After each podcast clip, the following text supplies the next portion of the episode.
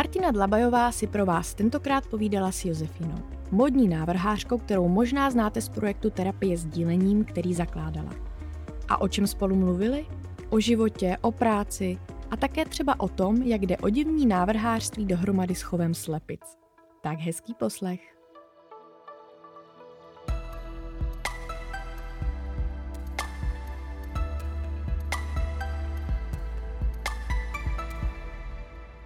Josefína Bakošová je modní návrhářka, ale také kostýmní výtvarnice. Divadelní i filmová. Její nadčasové modely nosí slavné české herečky, zpěvačky, herci, zpěváci a vůbec všichni ti, pro které jsou kvalita a originalita víc než trendy a modní diktát. Dnes je Josefina majitelka a jediná tvůrkyně ateliéru Hard Decor, ale také matka tří dcer. Josefino, vítejte. Dobrý den. Nebudu se vás ptát, jak jste se k té vaší kreativní profesi dostala, protože vy pocházíte z rodiny akademického malíře a varhanice, mm-hmm. takže bylo asi už od kolébky jasné, že nějakou uměleckou dráhou půjdete. Nebo to bylo nějak jinak? No vlastně tohle je takový jako příběh asi každého dítěte, který vyrůstá v umělecké rodině, že ho vůbec nenapadne nějaká jiná možnost. Mě to zpětně trošku mrzí, protože pro mě to bylo vždycky tak a vždycky všichni se nás ptali, jestli budu jednou malířka nebo varhanice. Takže já jsem od malinka vlastně hrála na klavír a malovala, ale už tam nebyla žádná jiná vidina něčeho jiného. Takže vlastně přijde mi to trošku škoda, protože zpětně teďka v tomhle věku si myslím, že jsem mohla studovat spoustu jiných věcí. Třeba zpětně si říkám, že by mě zajímala psychologie, ale dopadlo to, jak to dopadlo. V sedmý třídě jsem se musela rozhodnout a rozhodla jsem se jít na výtvarnou školu. Já musím říct, že my, kteří milujeme vaše modely, hm. tak jsme rádi, že jste skončila v téhle profesi. A myslím si, že trošku tím, co děláte, tak tu psychologii přece jenom i trochu děláte. Já si se svými hosty povídám spíše o momentech, kdy to v těch jejich profesních kariérách více či méně drhlo, kdy prostě naráželi a měli třeba tendenci to všechno vzdát. Vy jste měla první dceru už za studií. Mm-hmm. Do toho jste začínala podnikat. A myslím si, že to jako určitě nebylo lehké. Jak jste to zvládala? Jak vlastně ne- nebylo to tak, že tehdy se formovalo to vaše hardkorové, harddekorové jádro? No možná už to bylo první takový drhnutí, protože já jsem vlastně během studií eh, na DAMu, kde jsem studovala eh, alternativní a loutkovou scenografii, zjistila, že divadlo nechci dělat že to není, že jsem si nevybrala tu správnou cestu. A vlastně jsem se tak trošku ke konci studií rozhodovala, jestli vůbec z té školy odejdu, jestli ještě neskusím nějakou jinou vejšku. A pak jsem se rozhodla otevřít si teda Hard Decor, což byl vlastně obchod s mladýma začínajícíma designérama. A já jsem díky jednomu představení na Damu zjistila, že víc než eh, řezání loutek a, a těch malinkatých dřevěných scén baví eh, mě dělat kostýmy. A vlastně jsem díky tomu začala dělat oblečení.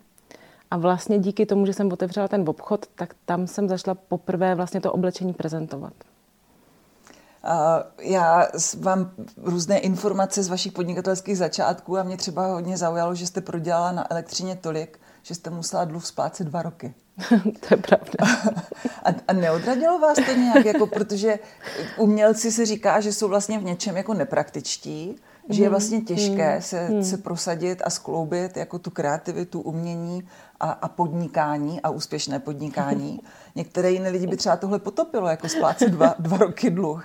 Vám někdo pomáhal, jako morálně, finančně, nebo jak jste to všechno zvládla v začátku? No já si trošičku myslím, že jsem takový jako snílek a vlastně některé věci mi fakt nedochází. Jako, že nedokážu vlastně koukat dopředu. Myslím si ani teď vlastně to, co dělám, že tak nějak vždycky žiju tím jedním okamžikem, současným okamžikem a nějak věřím tomu, že to vždycky dopadne dobře.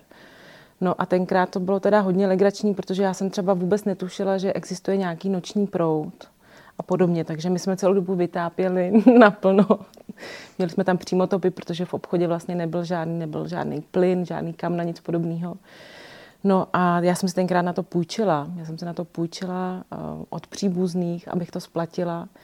A vlastně pak jsem si zavedla ten noční proud a strašně, strašně mě dělalo radost, o kolik míň peněz platím. A vlastně jsem z toho byla tak jako poučená, ale nějak mě to furt jsem tu vidinu toho, že to bude prostě dobrý, jako měla před sebou a vlastně tak to mám pořád.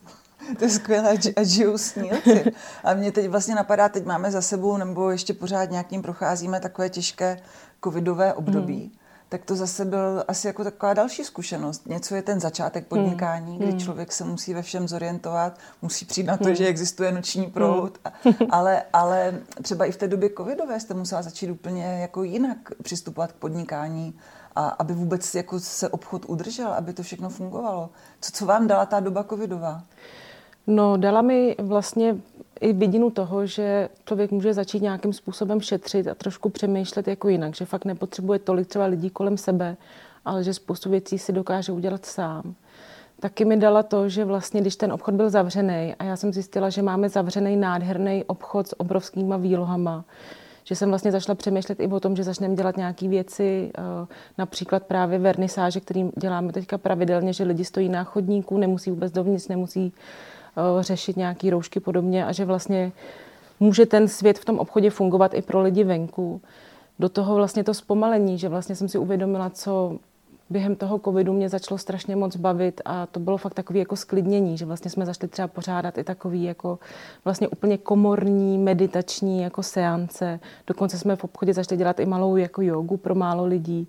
Takže jsem si říkala, že by mě bylo hrozně líto, kdyby ten obchod byl uzavřený a nic se tam nedělo ale vlastně jsem začala hledat ty možnosti, co bychom mohli dělat a co nás baví vlastně kolem toho. Takže být kreativní a vlastně inovativní a, a dá se posunout vždycky z, každé, z každého momentu krize. No mně to tak, mně to tak funguje. Mně mhm. vlastně vždycky každá krize nějakým způsobem vlastně, ano, možná mě na chvíli jako utlumí, že mám možná chvilku, kdy nevím, co, co dál a stojím na tom rozcestí, na té křižovatce a přemýšlím ale po chvíli vždycky nějaký nápad přijde nebo se najednou někdo ozve, což mi se stává strašně často, že když mám takovýhle útlum, tak najednou někdo zavolá, řekne mi teďka natáčíme film podělat kostýmy a já mám zavřený obchod a vlastně si říkám, že to je perfektní, tak já jdu dělat kostýmy.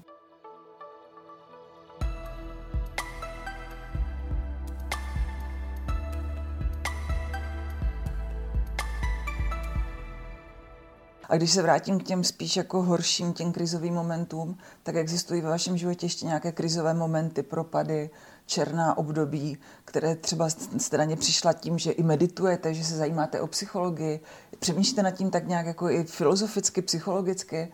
Co, co je třeba tou cestou, jak se z takových blbých období dostat?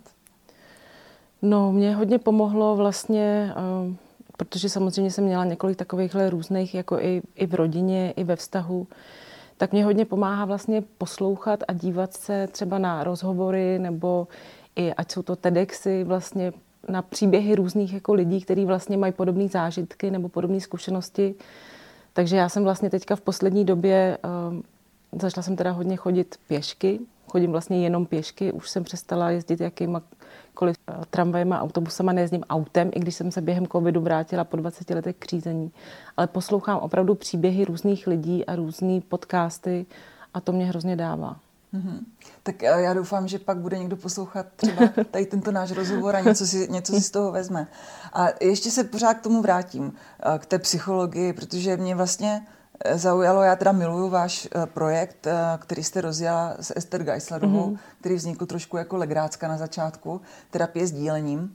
Vy jste potiskli trička vztahovými či rozchodovými mm. větami, eh, rozpustila se šílená lavina, stále více lidí mělo potřebu sdílet ty své věty na Instagramu, na různých sítích, ty své bolavé, zraňující věty. Vydali jste už dvě knížky. Mm. Vím, že vy z toho projektu teď odstupujete, ale přesto jako ten projekt vám asi musel dát jako hodně. A mě by zajímalo, jak vlastně mám takovou zásadní otázku, jestli opravdu je sdílení terapií a jest, jak to je třeba s tím sdílením mezi partnery. Jestli to sdílení mezi partnery může být terapii. No vlastně díky tomuhle projektu, já jsem teda vždycky vlastně svý trápení sdílela. Já jsem nikdy nepatřila mezi ty lidi, kteří když měli nějaký problémy, ať to bylo prostě opravdu v rodině, protože jsem i z rozvedený rodiny, tak jsem nikdy neměla tendenci ty věci skrývat a vlastně se za to stydět. Mám takovou mámu, která vlastně ke všemu přistupovala velice jako otevřeně a svobodomyslně. Takže já jsem vždycky všechno vlastně jako se svýma nejbližšíma lidma sdílela a vždycky mi to moc pomáhalo. A tady tato terapie to je jako velice zajímavý, protože se vlastně zjistilo, že nějakým způsobem to je trošku tabu a že vlastně ty lidi opravdu se stydí za to, když prožívají nějakou takovouhle krizi, tohle teda byly krize ve vztahu a mají tendence to schovávat a vlastně to vůbec nezveřejňovat, ale ani svým nejbližším. Takže vlastně teďka, když se začaly ty zprávy posílat a zjistilo se, že takové zprávy dostává kde kdo vlastně a že ty rozchody opravdu můžou být i jenom takhle SMS-kama jako řešený, tak si myslím, že to, co pak ty lidi nám psali, protože samozřejmě nám poslali zprávu, pak když jsme ji zveřejnili, tak nám posílali vysloveně děkovný zprávy, že se jim strašně ulevilo, že najednou jako kdyby něco odpadlo z jejich srdce. Takže si myslím, že fakt to, fakt to funguje. No. No vidíte, že tu psychologii děláte. to, co jste si vysnila a chtěla jste ještě zkusit, tak to děláte. Hmm. Určitě jako spoustu lidí, spoustu lidem to pomohlo. Jako pro spoustu lidí to byla fakt terapie. Určitě. No a když se, posunu se k té terapii, vlastně z té terapie k tomu, co je opravdu to, jak odpočíváte, jak dobíjíte energii. Protože já teda upřímně si nedokážu představit, jak to zvládáte všechno se třemi potomky. A jestli budou eh, tak aktivní, energické vaše dcery, jako jste vy, tak to asi s nima nebude úplně jednoduché. tak jak to zvládáte? Třeba ty děti vás taky dobíjejí něčím, jako umíte s nimi odpočívat, nebo jak nejvíc odpočíváte vy? No já mám trošku problém, že odpočívat neumím. A vlastně jsem si dala jako úkol do příštího roku naučit se odpočívat, protože mi to opravdu dělá trápení. Ne, nepřipadám se jako hyperaktivní člověk, ale nějakým způsobem trošku jo. Takže já si nejvíc třeba odpočinu tím, že jdu na procházku se svým psem. Nebo že opravdu chodím pěšky do práce, z práce. No a teď mi za, za, začalo takový jako vlastně zajímavý životní období, protože mý děti už jsou poměrně veliký a mý nejmladší dceři je 10 a už jsou to takové samostatné jednotky. Takže já vlastně trpím na to, že už mě tolik nepotřebují. Takže vlastně si začínám i přemýšlet, co já se svým časem, který už neběhám po kroužcích, po školkách, po školách, po dětských hřištích, co já vlastně budu dělat. Takže asi budu buď to víc pracovat, anebo se budu víc věnovat těm procházkám. A nebo budete víc odpočívat. no. to je důležitý úkol. Já jsem si o vás přičetla, že máte dvě, dvě takové zajímavé záliby. Jedna uh-huh. je, že ráda tančíte uh-huh. a druhá, že jste si pořídila slepice. tak se teda schválně ptám, a tančíte někdy mezi slepicemi? No, uh, mezi slepicema netančím, protože oni jsou takový, oni jsou docela agresivní. Já jsem nevěděla, že slepice jsou agresivní. Já vlastně vždycky, když jim nesu eh, žrádlo, což je každý den ráno a každý den večer, tak oni mají tendenci mě klovat takže mezi nima netančím. Ale je pravda, že se mi nedávno stalo, a to mě dost šokovalo, že se nějakým způsobem dostali ze svého kurníku. A normálně stáli, protože mám i kočku, psa, tak všichni stáli před brankou a vítali mě, i ty slepice. Takže jsem mezi nima netančila, ale přišlo mi to legrační, že všichni, včetně toho, těch slepic, psa a kočky, stáli před brankou a přivítali mě. A vy jste si to vytvořila takový nějaký rituál, ne? že každý den se o ně staráte. Prostě je samozřejmě potřeba se o ně každý den hmm. starat, mm. ale to, to pak vznikne i takový rituál, který možná je taky trochu uklidňující. Ten rituál je úžasný, mě to strašně moc baví a dokonce musím říct, že teď, jak začala zima, tak je to docela náročný v sedm ráno vlastně jít okamžitě jako na zahrádku a dát jim teda tu snídani. Ale je pravda, že z toho rituálu se teďka dějou takový jako až si říkám, že to je šílený, že z toho, co mě vlastně jako ze začátku bavilo a přišlo mi to uklidňující, tak když ráno vstanu, tak první, co se jako stane, tak je kočka, která kňourá u ledničky, pes, který štěká u mističky a na zahradě slyším kvokat zahr- slepice. Takže si říkám, že jsem zvědavá, jak dlouho mě to ještě bude uklidňovat a připadat jako rituál. tak já, já vám přeju, ať vás to baví. A za pár let se vás zeptám, jak, jak vás to baví a, a jestli teda už tančíte mezi slepicemi. Uh, jsme už u závěrečného zhrnutí. Mm-hmm. My se vždycky snažíme si dát nějaký návod na ten odraz k lepšímu.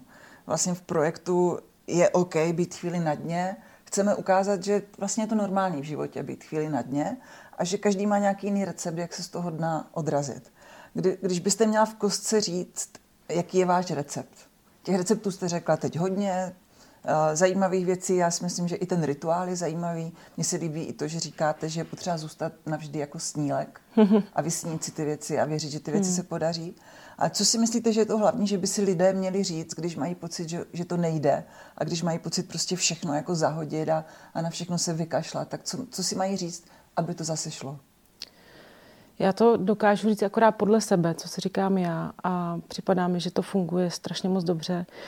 Já vlastně se strašně moc snažím vždycky zachovávat ty pozitivní věci na té konkrétní situaci a vlastně vidět ty pozitiva a snažit se nevidět ty negativní věci a nepropadat nějakým depresím a propadat se někam do hlubin, protože to už jsem taky vlastně prožila a zjistila jsem, že to je úplný nesmysl, že člověk opravdu musí vidět před sebou ty pozitivní věci a hlavně jim věřit a zůstávat optimista.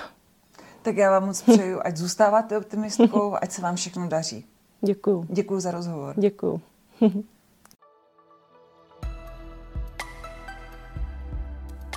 Poslouchali jste další díl podcastu, který je určen všem, kteří věří, že to jde.